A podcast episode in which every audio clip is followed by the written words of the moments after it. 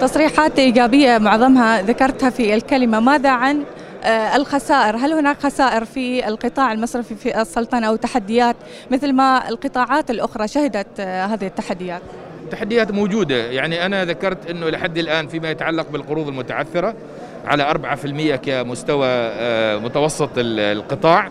طبعا تحديات وين؟ إنه الآن في بعض في بعض الحسابات أو بعض يعني التسهيلات الممنوحة يعني لا زالت يمكن تواجه تحديات أخرى، هل بتكون أيضا آه، تصبح متعثرة أو لا؟ هذا يعني في في في قادم الوقت وهذا التحدي موجود وهذه الاحتمالية موجودة لكن إحنا من يعني إذا شفنا الأربعة في المية الآن هذه الأربعة في المية تصبح خمسة تصبح ستة عفوا تصبح سبعة لا زالت في حدود يعني آه يعني آه إيش اسمه هذا مقبولة وبالعكس هي جيدة جدا مقارنة عالميا لكن ما حد يبغى يوصل إلى هذيك فايضا عمليات التأجيل تأجيل الأقساط وهكذا أيضا الآن الشركات الآن أو المؤسسات أو الأفراد مؤجل عليهم الأقساط.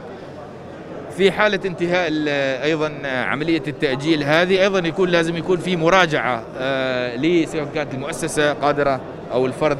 عندنا تأجيل أيضا لبعض الفئات آه، في المجتمع مثل المسرحين من العمل مخفضة أجورهم. أيضا هذه لا زالت قائمة الآن وغير آه، محسوبة في حسبة التعثر.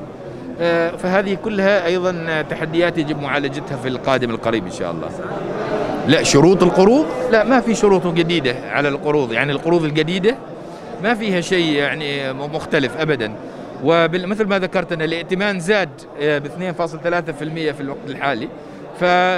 ففي نوع من الزيادة ولكنه يعني قد يكون التوجه مختلف أين يكون توجيه هذه القروض لكن العجلة مستمرة نوعا ما لأنه في هناك مشاريع غير مت... على سبيل المثال مشاريع القطاع الصحي سواء كانت حكومية أو غير حكومية بعض المشاريع لا زالت يعني مستمرة. وبالعكس فيها نمو آه، بسبب الوضع الحالي ولكن بعض المشاريع لا, لا يوجد فيها ذلك.